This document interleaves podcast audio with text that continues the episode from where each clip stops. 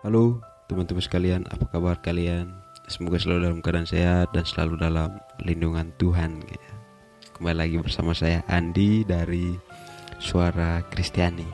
Teman-teman sekalian, pada kesempatan kali ini kita akan berbicara tentang sesuatu yang akhir-akhir ini menjadi keresahan kita bersama ya, terutama bagi anak-anak muda yang boleh dibilang cukup aktif di media sosial ya entah itu di YouTube, di Facebook, Instagram, TikTok dan tempat lain yang intinya interaksi kita terhadap media sosial itu boleh dibilang intensitasnya meninggi apalagi di tengah pandemi gabut gitu ya scroll scroll TikTok dan media sosial lain yang memungkinkan kita memiliki lebih banyak waktu di dunia maya gitu. Ada satu fenomena menarik ketika teman-teman OMK eh, berlama-lama di medsos ya yaitu munculnya kelompok-kelompok atau orang-orang yang boleh dibilang tidak bertanggung jawab ya.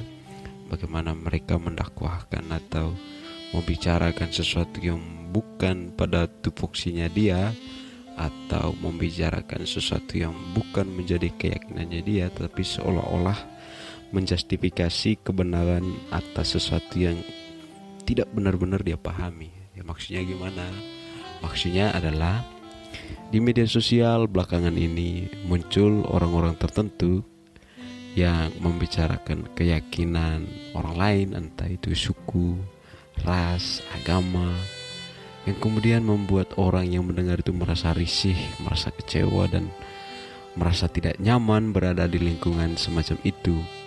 Apalagi rekam jejak sejarah mengatakan bahwa dampak buruk dari ujaran-ujaran kebencian itu memang telah banyak membuat orang merasa perlu untuk benar-benar menghentikannya jangan sampai berdampak lebih luas gitu ya. Terutama Indonesia yang boleh dibilang memiliki keberagaman yang sangat luar biasa dan tidak pernah uh, terpisahkan antara suku yang satu atau agama yang satu dengan agama yang lain Nah pertanyaannya selama uh, melihat atau menemukan postingan-postingan semacam itu, kira-kira responnya teman-teman itu seperti apa sih?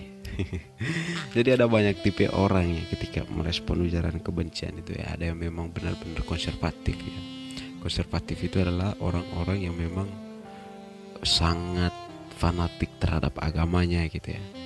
Bukan terhadap satu agama saja tapi bukan fanatik itu bukan hanya dimiliki oleh satu agama tapi agama lain juga bahkan fanatismenya lebih tinggi gitu ya.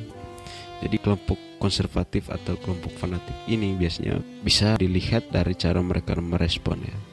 Apabila tanda-tandanya misal merespon dengan cukup keras terus mereka memaki bahkan membalas ujaran itu dengan kata-kata yang kasar juga di medsos atau merasa paling tersinggung merasa paling disakiti itu biasanya adalah orang-orang yang konservatif gitu ya. Dan konservatif ini juga agak ada ada banyak model ada yang konservatif yang memang dia paham agamanya benar-benar tapi ada juga yang konservatif itu dia bersikap konservatif supaya dinilai paling paham agamanya padahal enggak juga ya. Tidak semua juga orang yang konservatif itu benar-benar memahami agamanya. Atau kadang ada yang bilang begini yang paling depan membela gereja itu justru orang-orang yang tidak pernah ke gereja gitu. pas giliran misalnya ada bantrok di mana gitu dia terprovokasi dia kemudian uh dia siap angkat parang itu untuk berperang atas nama Tuhan. Gitu. Ya fenomena fenomena semacam itu memang uh, kalau saya ya nggak apa-apa lah haknya dia gitu ya. Tapi jangan sampai merugikan dirinya sendiri dan keluarganya Lalu ada yang ke berikut selain kelompok konservatif itu ada kelompok yang tidak peduli ya. Tidak peduli yaitu kelompok yang memang benar-benar dia hedon ya, hedon dalam artian ya orang maki agamanya dia, hina agamanya dia, hujat agamanya dia itu ya nggak nggak terlalu mau ambil pusing gitu ya. Intinya dia menikmati kehidupannya sendiri, berdoa seperlunya, ikut kegiatan di gereja itu seperlunya. Dan ketika ada yang menyerang itu ya, aduh dia sifatnya, aduh bong-bong waktu aja, dia nggak peduli gitu ya. Orang-orang seperti ini bisa jadi uh, opsi pilihan atau hal-hal yang dilakukan oleh orang-orang yang mungkin udah capek ya dengan persoalan-persoalan serupa yang hampir nggak pernah selesai-selesai gitu ya atau bisa jadi itu adalah e, cara lain menunjukkan keputusasaan terhadap sebuah fenomena di mana dia sudah tidak bisa lagi membendung itu dan menerima itu sebagai sesuatu yang aduh ya urus diri sendiri aja deh ngapain ribet gitu ya. Dia berdoa urus dirinya sendiri. Dan bahkan orang-orang yang tidak memiliki kepedulian ini sebenarnya sangat tidak direkomendasikan ya. Jika kalian masuk dalam kategori ini tolong ya tolong untuk diubah sikap ini. E, terlepas dari bagaimana cara kalian merespon itu apa tapi jangan sampai tidak menunjukkan kepedulian sama sekali. Itu bahaya gitu ya. Terlepas dari itu baik untuk menjaga perdamaian tapi ada pepatah yang mengatakan sebuah negara hancur atau sebuah komunitas hancur ketika banyak orang baik memilih diam. Ya mungkin kita yang memilih diam dan tidak peduli itu justru memiliki solusi yang paling baik dibandingkan orang-orang yang paling banyak bicara gitu dan tampil paling depan untuk menyelesaikan masalah. Jadi penting untuk speak up sebenarnya. Kalau memang tidak punya keberanian untuk speak up ya minimal pedulilah, peduli dalam artian bahwa dalam doa misalnya merespon secukupnya lalu kemudian memaafkan. Lalu ada posisi yang ketiga yaitu orang-orang yang memilih jalan tengah ya. Dia memilih jalan tengah dalam artian dia peduli iya tetapi merespon dengan cara-cara yang lebih radikal enggak. Jadi orang-orang seperti ini biasanya moderat ya, moderat dalam artian memilih jalan damai tetapi dia memiliki tanggapan akan masalah itu serius dia serius menanggapi masalah tetapi memilih jalan damai. Nah sekarang dari tiga hal ini kalian masuk kelompok yang mana gitu ya? Konservatif e, karena paham tentang agama atau konservatif yang memang hanya untuk menunjukkan kepemahaman tentang agama padahal enggak atau yang kedua tidak peduli sama sekali atau yang ketiga berada di tengah-tengah yang kemudian memilih bersikap moderat gitu ya? Nah teman-teman apa pun ke kategori kalian kalian masuk ke kelompok mana pun itu sebenarnya sah-sah saja. Tapi yang paling penting sebenarnya gini ketika kita mendengar orang lain berbicara tentang agama kita entah itu baik atau buruk tujuan utama kita sebenarnya adalah yang pertama mengcounter itu dengan penjelasan yang lebih masuk akal. Misalnya ada yang bilang eh, misalnya gereja Katolik itu begini begini begini begini. Padahal itu tidak sesuai maka tugas kita adalah membuat kantor atas tuduhan itu dengan memberikan penjelasan-penjelasan yang memang sudah ada di dalam uh, ajaran-ajaran Katolik dengan melakukan hal yang serupa. Misalnya di Facebook uh, platform yang digunakan si pencemooh itu di Facebook ya kita bisa juga bisa menggunakan Facebook juga untuk mengcounter itu. Tapi dengan penjelasan yang boleh dibilang harus lebih masuk akal bisa diterima dan bisa benar-benar menjawab tuduhan itu gitu ya. Lalu yang ke berikut adalah uh, tidak terlalu merespon cukup serius juga menurut saya itu menambah imunitas sih. Karena kalau kita merespon orang-orang yang mencemooh kita, menjelek-jelekan kita itu justru menghabiskan energi. Malah eh, padahal kita dituntut untuk berbuat baik terhadap orang lain tetapi dalam proses eh, menuju agenda berbuat baik itu ada saja orang yang menghambat kita gitu ya. Kita diajak untuk berpikir tentang sesuatu yang sebenarnya sudah selesai gitu. Memang ketika kita tidak terlalu uh, merespon atau menanggapi cukup keras ada potensi orang-orang seperti itu akan melakukan hal yang sama terus menerus begitu ya. Maka perlu kita bersikap keras ya keras tapi itu diutarakan dengan cara yang elegan. Misalnya e, membuat atau mengajak dia berdiskusi atau kemudian bisa mau mengcounter dengan hal-hal yang bisa kita pertanggungjawabkan sesuai dengan ajaran gereja. Dan saya kalau misalnya teman-teman tanya, lalu kakak gimana ketanggapannya?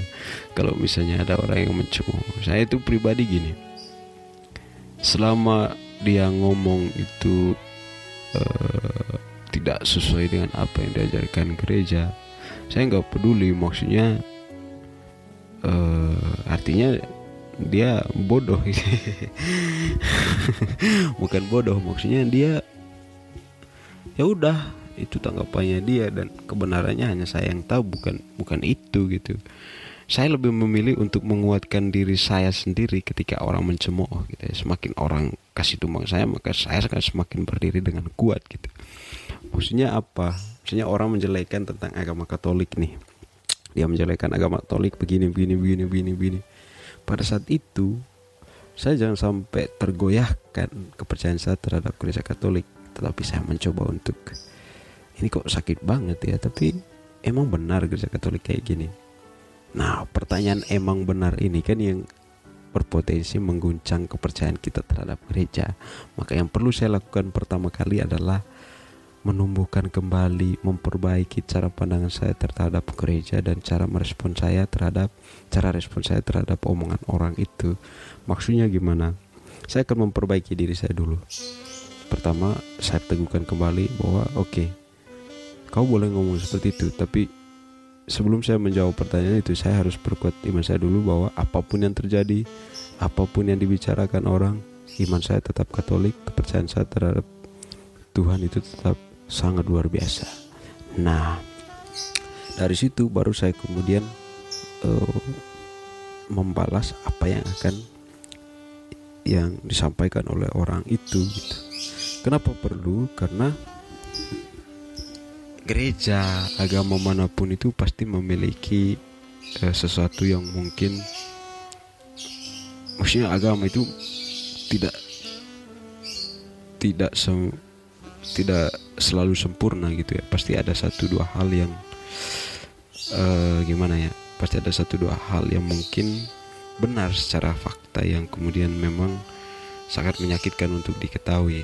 Maksud saya gini agama-agama di mana pun di dunia itu pasti punya jalan-jalannya sendiri termasuk agama Katolik mungkin juga punya uh, apa namanya fakta-fakta yang memang tidak bisa kita terima gitu. Misalnya contoh kasus misalnya pelecehan seksual terus uh, apa pernikahan sesama jenis di tem beberapa tempat gitu kan. Itu kan eh, fakta-fakta yang tidak bisa kita bantah. Nah maka Hal yang pertama sebelum kita mengetahui fakta kebenaran dari apa yang dibicarakan oleh orang lain adalah meneguhkan iman kita bahwa oke, okay, apa pun fakta yang akan saya temukan selama proses penelusuran itu, saya harus kuat dulu bahwa saya tetap kuat dan saya akan tetap menjadi Katolik. Iman saya tetap kuat dan percaya pada Tuhan bahwa inilah tantangan hidup menggereja.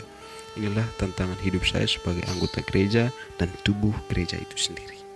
Itu yang saya lakukan baru kemudian saya memilih untuk bagaimana merespon dengan cara yang baik dan elegan atas pernyataan-pernyataannya dia.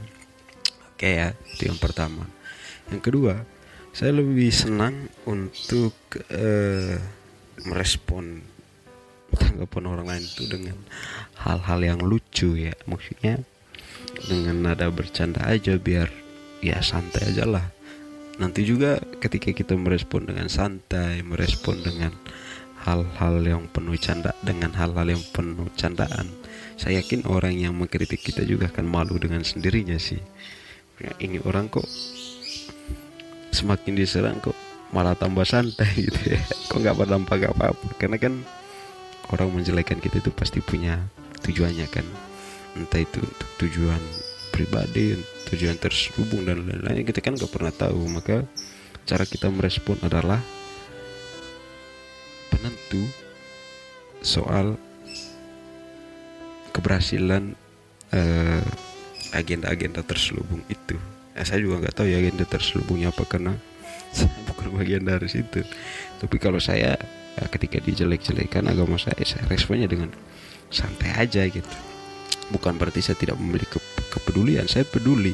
Oh ternyata orang di sebelah menganggap agama saya begini.